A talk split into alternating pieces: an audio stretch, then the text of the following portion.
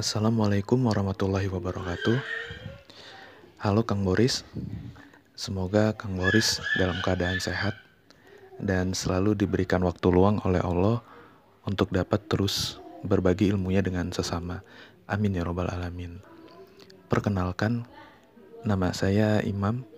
Saat ini saya berprofesi sebagai seorang front-end developer. Dan saya ada sedikit pertanyaan nih Kang Pertanyaannya begini, sebagai seorang yang sebelumnya berprofesi sebagai engineer atau developer, kira-kira langkah pertama apa sih yang harus dilakukan untuk bisa menjadi seorang UX designer? Apakah mengambil kursus terlebih dahulu, ataukah kita harus membangun portofolio terlebih dahulu? Kira-kira seperti itu, Kang.